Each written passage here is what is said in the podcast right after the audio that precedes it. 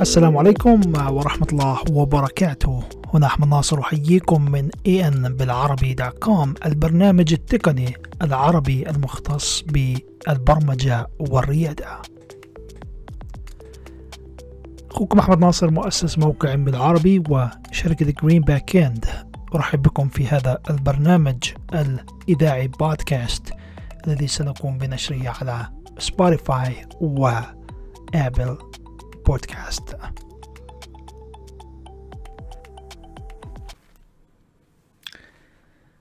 السلام عليكم ورحمة الله وبركاته. أسعد الله أوقاتكم بكل المنى. هنا أحمد ناصر.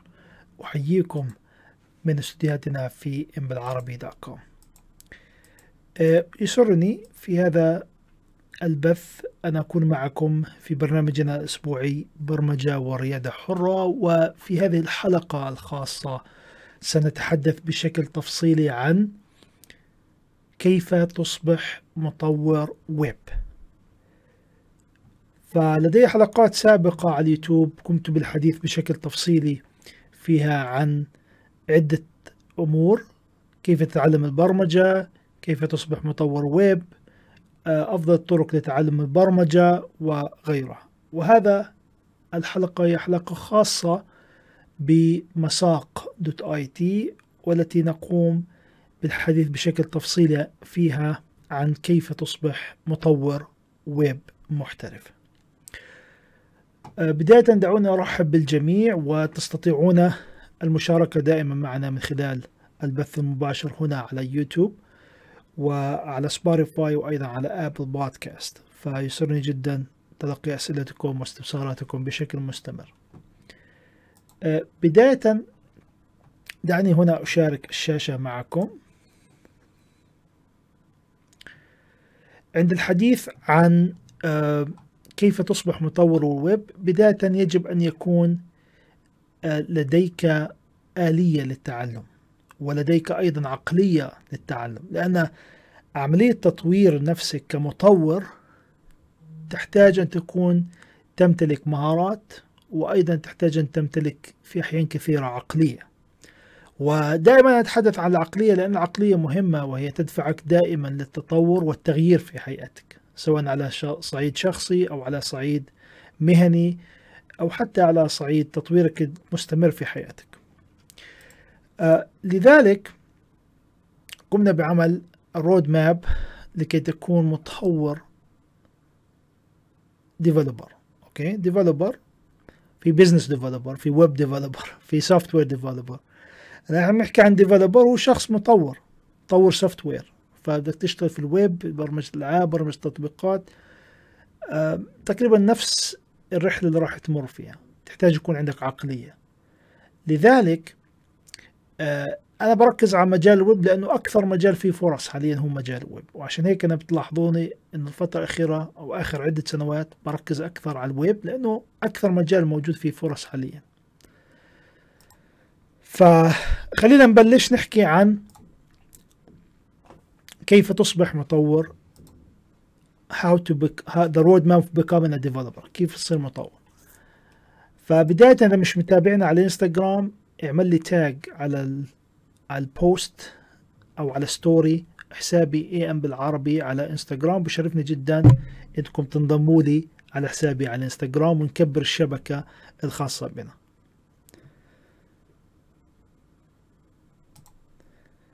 آه، مساق دوت اي تي ممكن أيضا تشاركوا آه، المساق مع أصدقائكم آه، تحكوا لهم عن المساق اللي إحنا عاملينه.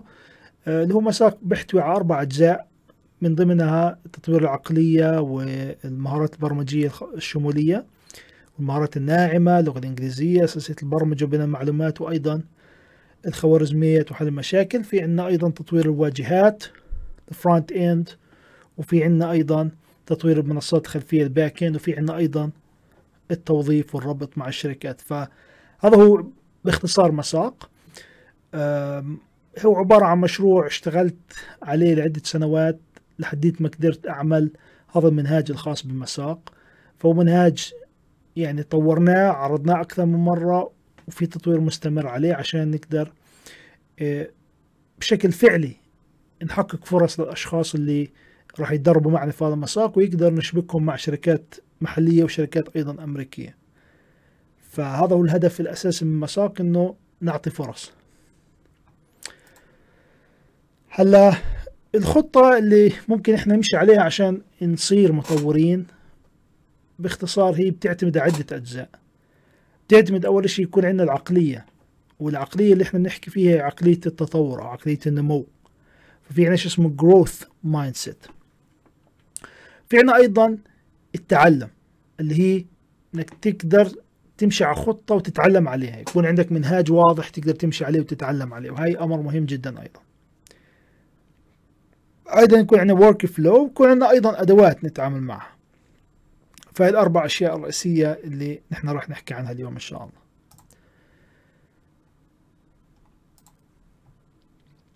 هلأ ممكن قبل ما نحكي كيف نصير مطورين نحكي ليش لازم نصير مطورين أو هل هي هل مهنة التطوير باعتقادكم هي من أفضل المهن اللي ممكن تحقق فيها دخل؟ أكيد لأ. يعني في كثير بزنسز وافكار ووظائف ممكن تحقق فيها فلوس أكثر من البرمجة. ولكن البرمجة الميزه فيها إنه بدك تشوف إذا عندك شغف أول شيء في البرمجة تشتغل فيها. ثاني شيء بدك تشوف المكان أو البلد اللي أنت فيها آه، هل في فرص في البرمجة لا؟ وبالعاده في معظم الدول في العالم فيها فرص في البرمجة. فما بتحتاج راس مال. okay زي تيجي تأسس مثلا business أو تأسس محل تحتاج راس مال كبير. لكن البرمجة ما بتحتاج رأس مال. تحتاج فقط يكون عندك وقت يكون عندك عقلية تقدر تستثمر بنفسك وبالتالي آه تقدر تصير مبرمج. هاي الأمور البسيطة جدا اللي بتلزمنا عشان نكون آه مطورين. فالسؤال الأول اللي حاب أسألكم إياه ليش تكون مطور؟ وشو المشاكل اللي لازم تحلها عشان تكون مطور؟ وشو الأشياء اللي لازم تبنيها؟ لما تكون مطور هاي الثلاث أسئلة اللي هي ال why وال what to solve و what to build. هلا لتلخيص هاي الثلاث أسئلة تقعد مع نفسك بتحاول تجيب عن هاي الأسئلة. ليش أنا بدي أكون مطور؟ ممكن عشان الفلوس مثلا ممكن عشان في فرصة في وظائف ممكن عشان أسس فكرة عندي فكرة في راسي أعملها. okay؟ طيب إيش المشاكل اللي راح تمر فيها؟ ممكن تكون عندك مشاكل في المعرفة في أمور ما بتعرفها. ممكن تكون عندك المشاكل آه، في المكان اللي أنت بتبرمج فيه okay؟ ما عندك مكان مخصص. ممكن المشاكل تكون أصلا في الكود نفسه في البرمجة نفسها. بعدين لما اتعلم برمجة إيش بدي أعمل؟ إيش بدي أبني؟ هل بدي أبني مشاريع؟ بدي أشتغل freelancer ولا بدي أشتغل مع شركات؟ ولا بدي أشتغل موظف؟ فهي الأمور الثلاثة لازم يكون عندك إجابات واضحة وبدك تحاول تجيب عليها. خلينا نساعدكم شوي في الثلاث أسئلة. في عدة أسباب طبعا. إنك آه، تتعلم البرمجة. أول شيء الحرية. مجال البرمجة مجال حر. أنت لما تتعلمه بتقدر تشتغل فيه في أي مكان في العالم من أي مكان في العالم. ما بلزمك إلا لابتوب وبلزمك إنترنت. فاذا تواجد عندك إنترنت وتواجد عندك لابتوب أو كمبيوتر آه أنت بتقدر تشتغل بكل سهولة في البرمجة. أمر آخر ممكن يشجعك إنك تتعلم البرمجة اللي هو الفلوس الماني. آه يعني بشكل شخصي البرمجة هي كانت المجال اللي أنا اشتغلت فيه خلال العشر سنوات الماضية وهي مجال يعني ما بقدر أحكي لكم إنه أفضل مجال بيعمل فلوس ولكن هي مجال على الأقل مضمون إنك تحقق دخل مستمر منها وتحقق فرص كبيرة. فالبرمجة ساعدتني بشكل كبير إنه أقدر أقدم خدمات من خلال البرمجة أقدر عندي زبائن من خلال البرمجة أقدر أعمل بزنس كله باعتماد على البرمجة.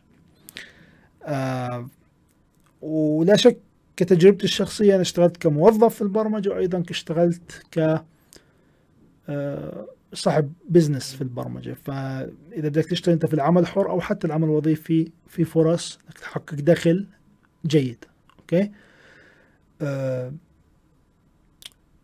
أيضا شغلة أخرى اللي هي بالنسبة لي أهم شيء أنا بحب البرمجة عشانها مش عشان الفلوس. إنه أقدر أعمل أشياء موجودة في بالي. يعني أنا نفسي مثلا كان نفسي أعمل موقع تدريب أعمل فيه دورات والحمد لله قدرت أعمله بنفسي. كان عندي نفسي أعمل موقع أقدم فيه أو بيع فيه خدمات موقع خاص فيه وعملت هذا الموقع. ففي أفكار كثير بتكون في بالي بشتغل عليها. هاي الأفكار ممكن أشتغل فيها معظم الوقت لنفسي وفي أحيان كثير ممكن أشتغل هاي الأفكار لزبائن. زبون بيجي علي عنده فكرة عنده مشكلة نشتغل له إياها. as website مثلا أو as تطبيق أو حتى لعبة. آه، فالمجال فيه إبداعي مجال creative فإذا أنت شخص إبداعي بتحب آه، تبدع تعمل أشياء جديدة. آه، إذا أنت شخص مثلا رسام حابب تعمل أشياء الناس تستخدمها okay؟ ففي عندك فرصة كبيرة إنك تشتغل في مجال creative اللي هو مجال البرمجة. أيضا فرصة للعمل عن بعد. يعني تخيل أنت تكون مثلا موجود في دولة زي فلسطين أو في السعودية أو أي دولة عربية أخرى وتكون تشتغل مع شركة في كاليفورنيا أو شركة في أمريكا وتحصل على راتب عالي. ما بحصل عليه ممكن وزير في بلدك. فهاي يعني شيء خرافي بصراحة. هاي من الأمور اللي آه بتشجعك إنك تتعلم برمجة. تمام؟ وإنك تعمل تأثير. يعني أنت لما تتعلم برمجة تعمل تطبيق تتعلم برمجة آه تعمل أشياء الناس تستخدمها أنت بتعمل تأثير في حياة الآخرين. أوكي؟ ففي ناس عندهم هدف إنه يعمل تأثير. وممكن يكون عندك وقت أكثر لما تشتغل لما يكون عندك فريدم تكون عندك أكثر وقت تستغله مع عائلتك مع في الرياضة مثلا آه، وما إلى ذلك. هاي طبعا بتلعب دور حسب بدك تلعب تشتغل موظف تشتغل عمل حر. طبعا عمل حر بيكون وقت مضغوط جدا. تشتغل موظف بيكون عندك دوام محصور بعدد ساعات معين في عندك فرصة مثلا. بتشتغل بدك تعمل أسس عملك الخاص راح تكون أضعاف الجهد مطلوبة منك. فحسب نوع شخصيتك هل أنت شخص عندك تحدي ولا شخص بتحب تشتغل uh, as a part of the process يعني جزء من فريق أو من شركة؟ أو هل بتحب تأسس مشروعك الخاص مثلا؟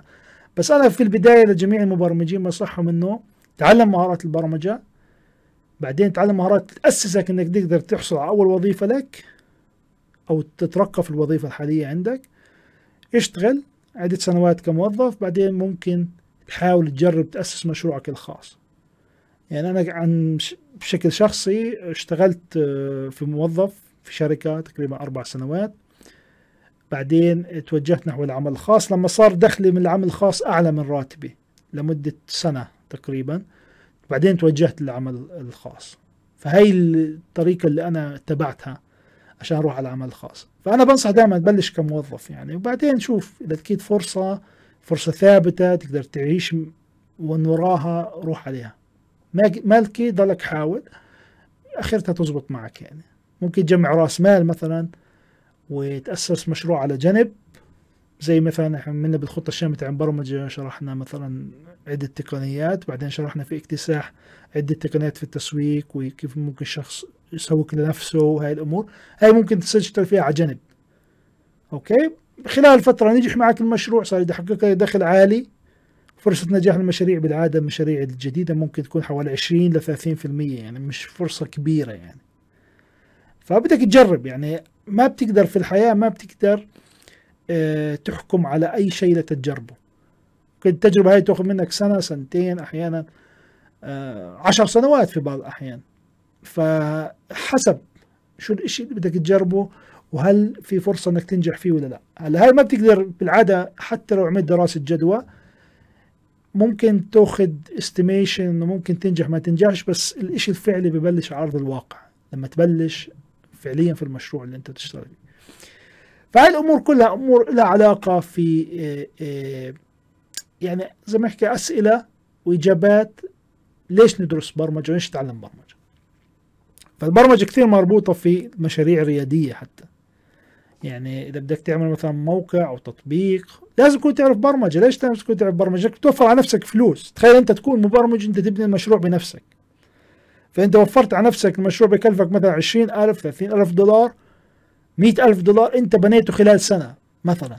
فأنت عملت 100000 دولار حطيتهم في جيبتك كمشروع خاص فيك. ليش؟ لأن أنت طورت منتج طورت خدمة. هاي الخدمة سعرها فلوس. تمام؟ فهل هي يعني إجابات سريعة على الموضوع.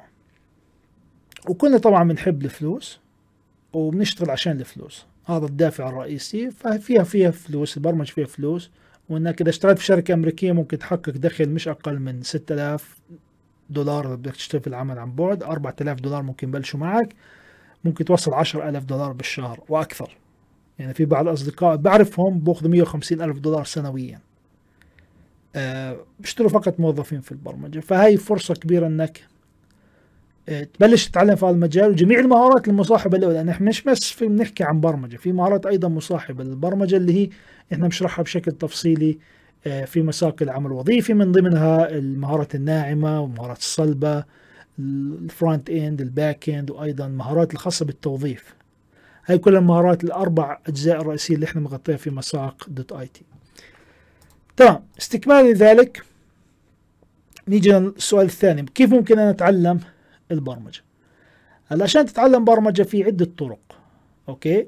في عنا عدة طرق ممكن إحنا من خلالها نتعلم برمجة. ممكن تتعلم بشكل ذاتي okay؟ أو ممكن تسجل في دورة لتعليم البرمجة.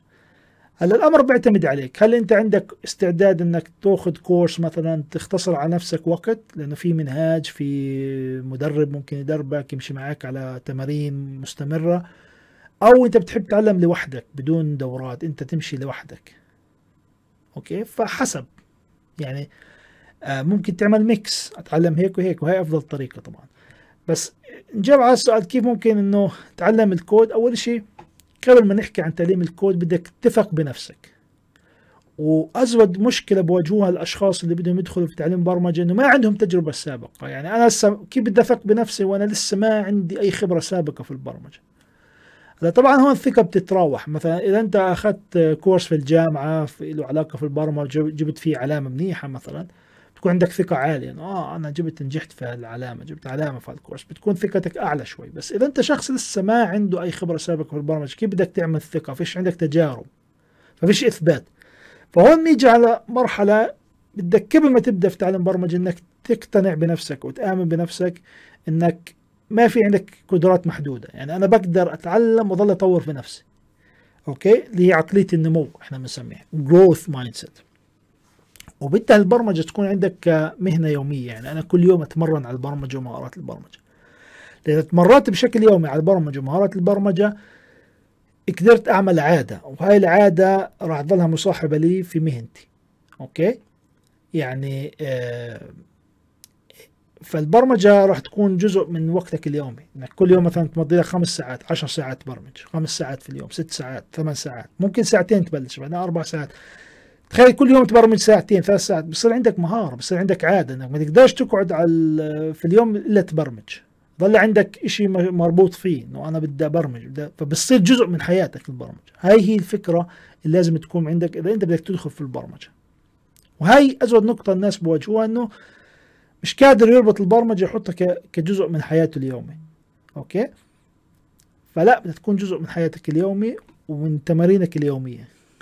كيف بتأكل كل يوم لازم تشرب نفس الشيء لازم كل يوم تبرمج. هاي هي العقلية اللي لازم تكون موجودة عندك. فنيجي نحكي عن عقلية ال limitless model اللي هو عقلية اللامحدود في النمط اللامحدود في التعلم. الآن النمط بيقوم على ثلاث أمور okay؟ اللي هو ال mindset العقلية بعدين ال motivation التحفيز بعدين الطريقة. ففي عندنا 3 parts mindset motivation وال method لما نيجي نحكي عن ال mindset بشكل عام في ال mindset إحنا بنحكي عن العقلية okay؟ شو هي العقلية لازم تكون عندك؟ إنك أنت شخص قادر إنك تتعلم البرمجة وما في شيء راح يوقفك. هاي إحنا بنحكيها ال limitless ال motivation why ال why تبعتك. ليش؟ ليش أنت بدك تتعلم برمجة؟ أنا بتعلم برمجة عشان أبني مهنة في البرمجة اصير مبرمج. بتعلم برمجة عشان أبني مشروعي الخاص. بتعلم برمجة عشان أعمل استقلالية في حياتي. بتعلم برمجة عشان شغفي البرمجة إنه أنا بحب ال coding مثلا. فأنت بدك تشوف ال why هاي تبعتك شو هي ال why ليش تتعلم برمجة؟ تمام؟ مثلا ال why تبعتي أنا شخص بحب الكمبيوتر. آه، فمش متخيل نفسي أشتغل في مجال غير الكمبيوتر. okay؟ الكمبيوتر صديقي بالنسبة لي. هاي ال why مثلا تبعتي. أه بشوف الكمبيوتر إنه من خلاله بقدر أنفذ أفكار في راسي مثلا عندي فكرة بنفذها بنفسي. هاي الفكرة بقدر أشاركها مع العالم. هاي ال why تبعتي ممكن يكون عندك أكثر من why فهدفك ممكن إنه يكون مثلا بدي أتعلم برمجة عشان أبني مشروع يحقق لي دخل مستمر أستفيد منه للعشر سنوات القادمة مثلا. هاي ممكن تكون أيضا جزء من ال why هي الإشي اللي بحفزك وهي أصعب شيء ممكن يعني الحافز هاي أصعب شيء. ما بتقدر تجبر شخص يتعلم برمجة. يعني خلال السنوات الأخيرة بصراحة التقيت بالعديد من الأشخاص وفي كثير ناس حكوا لي أحمد ناصر إحنا بنتعلم برمجة ونحن حابين تنصحنا إن ندخل في مجال البرمجة حكيت لهم نصحتهم في في مجال البرمجة لكن حكيت لهم هل أنت عندك حافز إنك تتعلم برمجة؟ حكوا لي طيب ليش البرمجة شو أهميتها؟ حكيت لهم فيها فلوس فيها شغل فيها وظائف فيها فرص آه، دخلوا برمجة بس ما كملوا فيها ليش؟ لأنه ما عندهم الحافز قوي يعني آه، مش مستعد هو آه، بقول لك أنا ممكن ألاقي فرص أسهل من البرمجة. مجال البرمجة صعب بديش أدخل فيه. في عندي فرص اجتني فرص أخرى في المحاسبة مثلا أو اجتني فرص أخرى في البزنس. فعشان هيك لازم تعرف أو تكتشف إنه يكون عندك الحافز. وهذا الحافز ما بتقدر تعمله في يوم وليلة لازم تشتغل على نفسك فيه. ودائما تحفز نفسك وتطور نفسك. آه، وفي عندنا النقطة الثالثة يكون عندك آلية لتعلم البرمجة اللي هي الميثود طريقة. يعني أنا ممكن أتعلم من خلال كورسات ممكن أتعلم من خلال أن كل يوم أخصص مثلا ثلاث ساعات أو أربع ساعات كل يوم أتعلم وأطبق مثلا لمدة سنة أو سنتين مثلا. هاي هي طريقتي. هلأ ممكن شخص آخر يحكي لك أنا طريقتي إنه أتعلم من اليوتيوب مثلا. مع إنه راح يشتت نفسه ويدخل في حوامة ثانية. فأنا مش كثير بشجع إنه يتعلم برمجة يتعلم اليوتيوب إلا بعد ما يوصل لمرحلة كويسة يتأسس صح بعدين يروح يتعلم اليوتيوب. بس الشخص ده يأسس نفسه من اليوتيوب ما مش كثير راح يكون يعني آه قوي في البرمجة. فيفضل إنه شخص مختص يدربك عشان يأسسك في في البرمجة بعدين تقدر تتعلم لحالك. فالميثودولوجي أو الطريقة اللي راح تمشي فيها طريقة مهمة جدا في تعلم البرمجة. أه بدك أيضا تتحكم ويكون عندك إلمام بأبرز سبع كذبات حول البرمجة آه وخصوصا حول التعلم. فبحكي لك إنه معدل الذكاء هو معدل ثابت. يعني أنت مثلا ولدت لما ولدت كنت عندك نسبة ذكاء محصورة غير قابلة للتطوير. وهذا كلام غير سليم. يعني ممكن يكون في نسبة ذكاء أحيانا بالعوامل الوراثية ولكن ممكن إنك تشتغل على تنميه هذا الذكاء. فالذكاء هو شيء مكتسب أوكي؟ صح في دخل له بالوراثة بحالات كثيرة ولكن الذكاء ممكن الشخص يشتغل على حاله وينميه. فحتى لو أنت كنت شخص ذكي لا يعني إنك راح تنجح في البرمجة لأنه ممكن تكون إنك مقتع معتقد إنك ذكي بس مش مستعد تتعب مثلا. هلأ في ناس ذكائهم نابع من التعب من الشغل والعمل وال... في ناس ذكائهم فطري. بس ذكائهم فطري بيكون عندهم غرور أحيانا. بقول لك أنا ذكائي أنا ذكي. طيب ذكي يعني شو ذكي؟ يعني تقدر تعمل كل شيء؟ لا بتقدرش تعمل كل شيء. بدك عمل. بدك تشتغل بدك تتعب بدك تتحرك بدك ت... فكلنا عندنا عقل وعندنا تفكير. وعندنا قدرات متفاوتة ولكن ما في شيء اسمه ذكاء محدود راح يعيقنا نتعلم برمجة.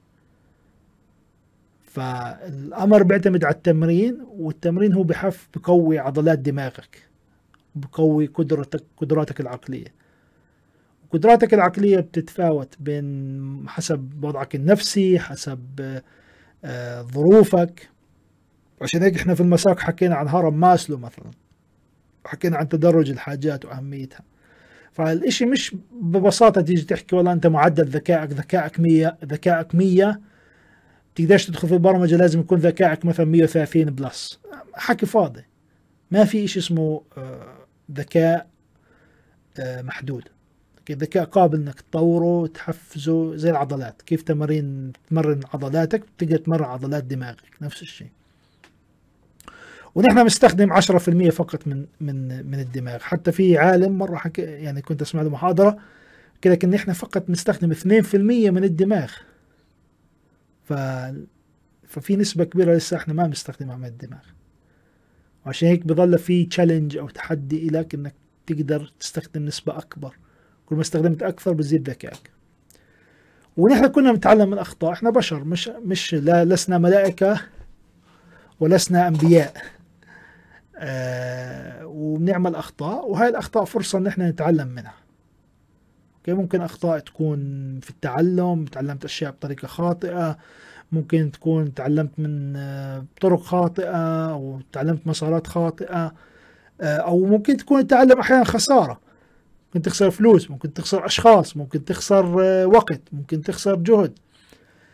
ف بحكيها ما بتعلم الإنسان إلا من كيسه فعلا. ما بتعلم الإنسان إلا من كيسه.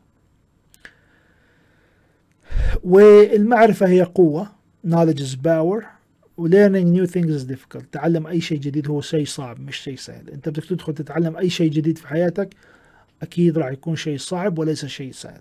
بالتالي شيء طبيعي إن ممكن راسك يوجعك لما تتعلم تقنيات جديدة. فهذا شيء بدك تأخذه بعين الأريحية.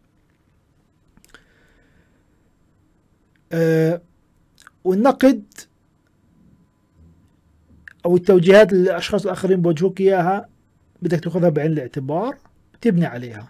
ولكن يكون نقد بناء وليس نقد هدام. والعبقرية تنولد معك. Not made. أوكي؟ يعني العبقري آه، يولد ولا يصنع. هلا إحنا بنحكي عن البرمجة. أنت ما يعني انت ممكن تولد عبقري أوكي ولكن ما استغلت عبقريتك فما استفدنا منك شيء. فهاي يعني من أبرز الأمور اللي لازم تنتبه عليها وتركز عليها إنه أحيانا في ناس بخذوا لك هاي المسلمات إنها هاي حقائق ثابتة.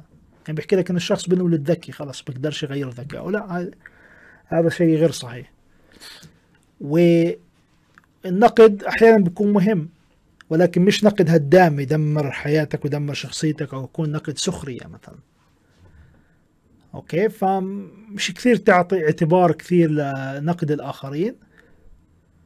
انتبه وركز على نفسك وتطويرك المستمر لنفسك.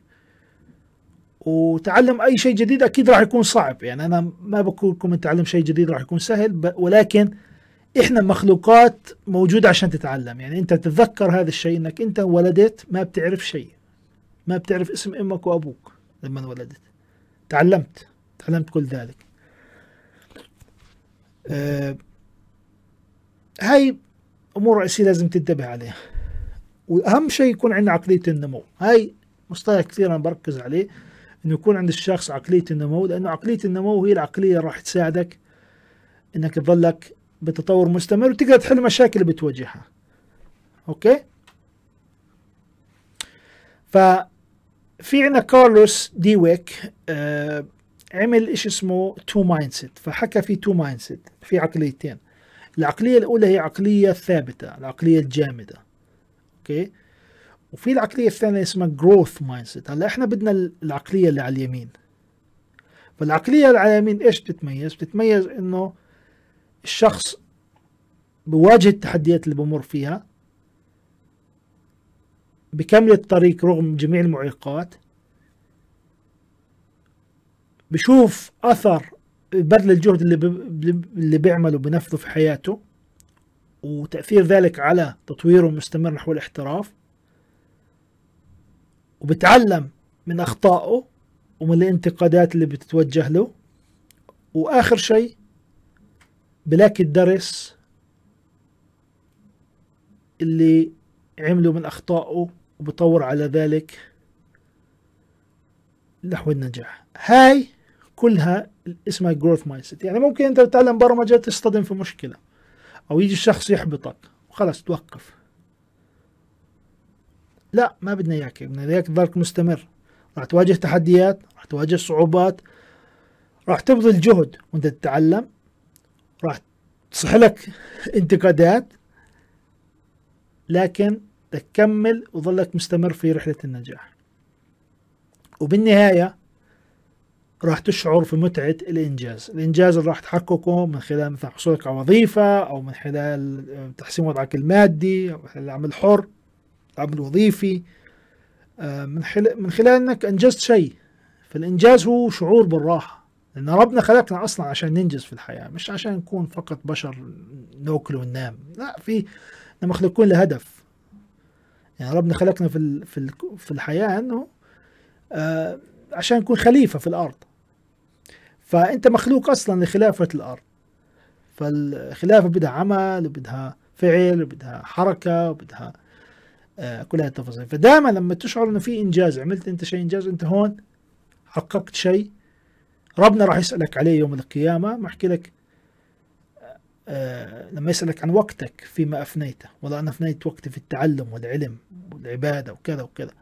غير ما إنك تفني وقتك في اللعب وإحنا ما نحكي إنك ما تلعب ولكن يعني بدك توازن في الحياة. ودائما بدك تركز على العقلية والعقلية اللي بدك تنتبه عليها إنه تسأل نفسك سؤالين دائما. عندي مشكلة مش عارف أحلها. طب ليش مش عارف أحلها؟ بدل ما تحط اللوم على نفسك وعلى الآخرين ركز بالمشكلة نفسها وشوف كيف ممكن إنك تحلها. أوكي؟ فدائما بدناش نلوم نفسنا دائما. ليش هالخطأ طلع معي؟ ليش يعني هالمرة؟ لا ما تفكر بهالطريقة. فكر كيف ممكن أنا أحل هالخطأ. تمام؟ How can I solve this?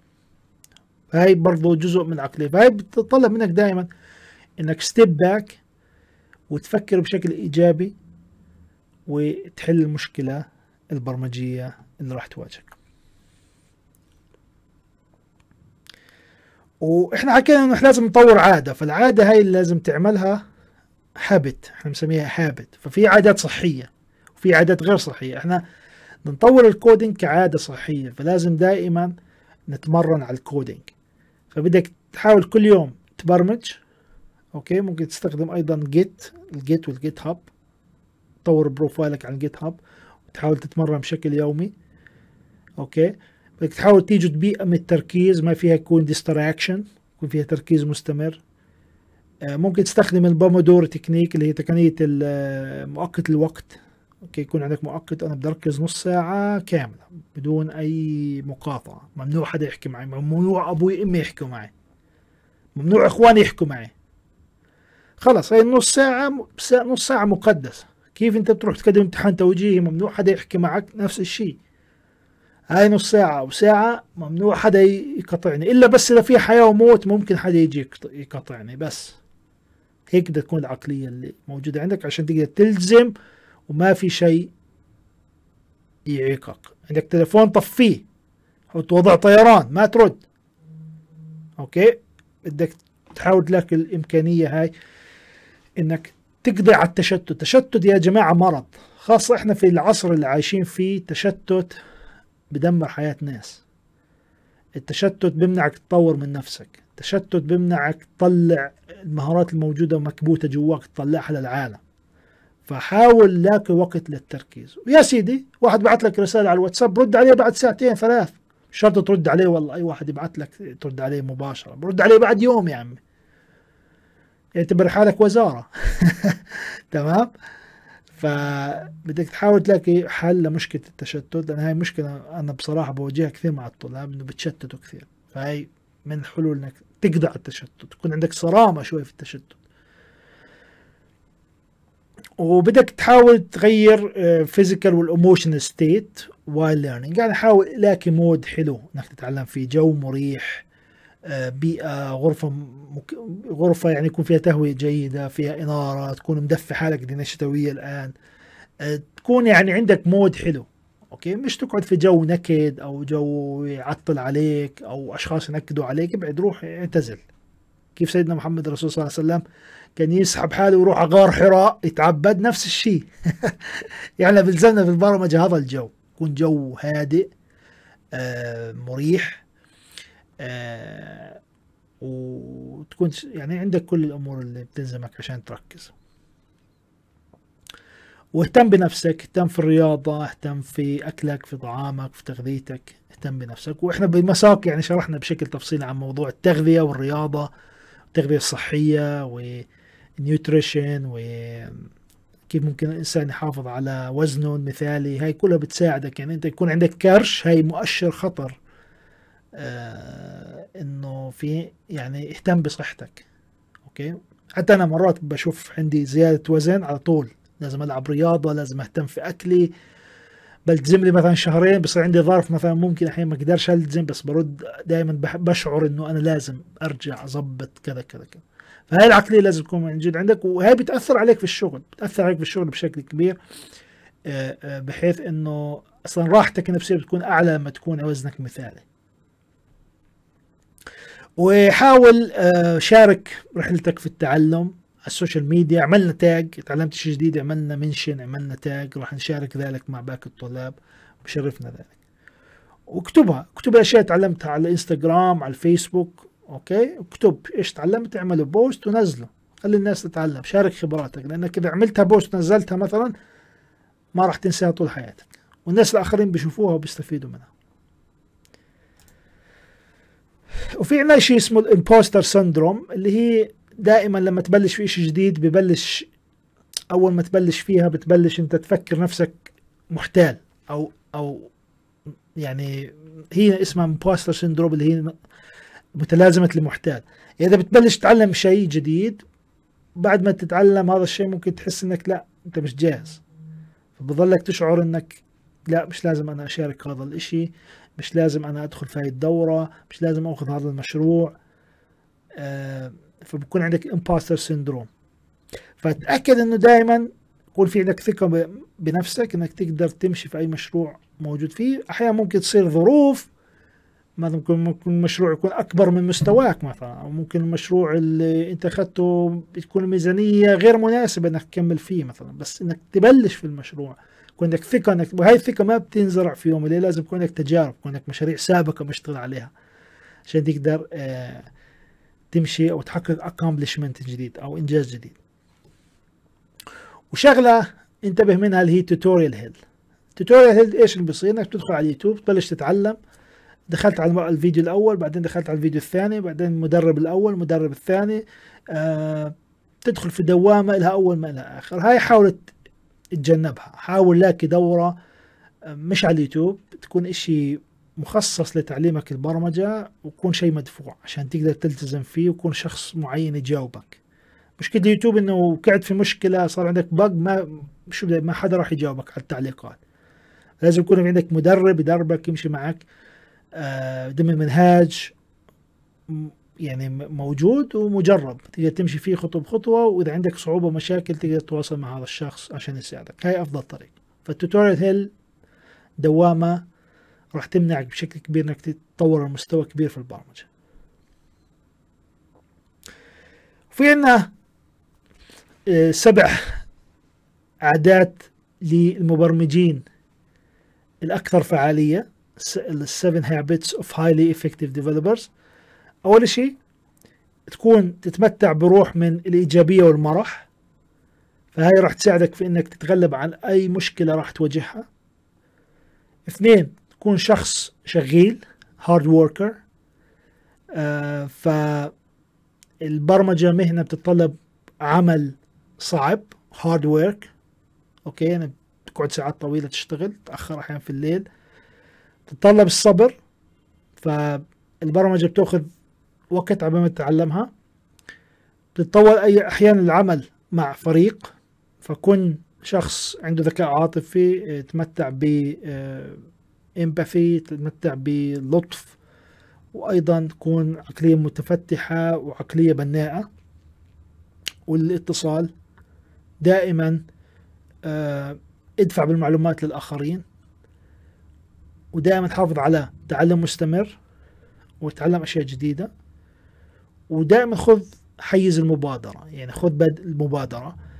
آه، ما تكون شخص متلقي انه شخص يقول لك اعمل هيك سوي. لا أنت أحيانا بدك تبادر في بعض الجوانب. فهي السبع أمور أو سبع عادات اللي بتحسن منك كمبرمج سواء انك تشتغل في العمل الحر أو في العمل الوظيفي.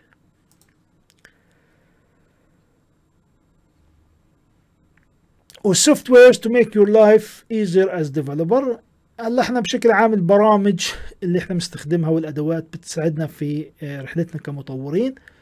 وإحنا بنستخدم عدة أدوات من ضمنها Visual Studio Code Notepad++ Atom Sublime هاي الأدوات ال code editors في عنا applications ثانية Screenbrush Dropbox Paper في عندنا كمان Epic Pen ممكن تستخدمها في رحلتك التعلمية. بشكل عام عشان تلخص آه، بعض الأمور اللي بتتعلمها وأيضا تستخدم هاي الأدوات لتطوير الأكواد والبرمجيات اللي راح تمشي فيها. هلا في بعض ال VS إحنا بنستخدم بشكل عام في مساق بنستخدم ال VS Code Visual Studio Code ففي بعض ال extensions بنصحكم انكم تستخدموها. آه، في كثير طبعا extensions نحن بنحكي عنها بس من أهمها Prettier في عندنا كمان Live Server okay في Live Server في كمان Live Share هلا في إضافات أخرى ممكن تستخدمها آه، خصوصا ال Bracket Pair Colorizer في ال debugger ل Google Chrome في عندنا ال Live Server وفي عندنا كمان ال JavaScript ECMAScript snippets اختصارات الأكواد في ال ECMAScript وفي ال GitLens وفي كمان إشي لل React آه اللي هو ES ES 7 React Redux GraphQL React Native extension. بيساعدنا في موضوع ال syntax. آه طبعا في كثير إضافات نحن بنشرحها في مساق بس هاي الإضافات اللي ممكن تلزمك لاحقا آه إذا بدك تشتغل في ضمن آه بيئة التطوير الخاصة بال full stack development هاي بشكل عام معظم الأمور حبيت أحكي فيها اليوم آه فأي أسئلة واستفسارات بنصحكم دائما تزورونا على الموقع بالعربي dot com مساق اللي بنغطي فيه جميع التفاصيل اللي بتلزمنا في رحلة تعلم البرمجة سواء كنت طالب أو موظف أو شركة. هاي المساق راح ينقل فيك للمستوى التالي في رحلة تعلم البرمجه راح نعلمك جميع المهارات والتقنيات اللي بتلزمك عشان تشتغل في الشركات الأمريكية بشكل خاص. فالمساق طبعا بيحتوي عدة أمور بيحتوي موديل تأهيلي بيحتوي أساس البرمجة تطوير الواجهات واجهات خلفية back end وأيضا في عندنا مجتمع وحاضنة.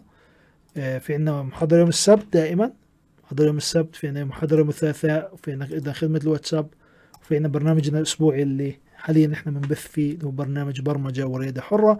نحكي فيه بشكل عام أمور وتفاصيل حول البرمجة والرياده الحرة بشكل عام. فبتقدروا تطلع على كافة التفاصيل المختصة بمساق وبشرفني جدا إجابة على جميع أسئلتكم واستفساراتكم إذا أي حد عنده أي أسئلة واستفسار دائما تقدر تتواصل معي عن طريق الواتساب أو عن طريق الإيميل آه وبتقدر تتواصل معي لأي تفاصيل أخرى من خلال موقعنا الإلكتروني من خلال أيضا شبكاتنا على التواصل الاجتماعي من فيسبوك لينكدين انستغرام وتويتر هذا كان كل شيء. أمر أخير بحب أذكركم فيه ما تنسوا تشتركوا معنا في انستغرام تابعونا بشكل دوري على حسابنا على انستغرام ام بالعربي بشرفني دائما عن أسئلتكم واستفساراتكم. آه، فهذا كان كل شيء بالنسبة للفيديو الفيديو. بشكركم جدا للمتابعة.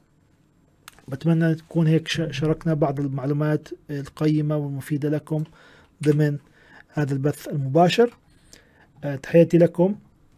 ونراكم على خير إن شاء الله في الحلقات القادمة. السلام عليكم ورحمة الله. انضم لنا في ambilعربي.com forward slash courses وابدأ رحلتك التدريبية اليوم.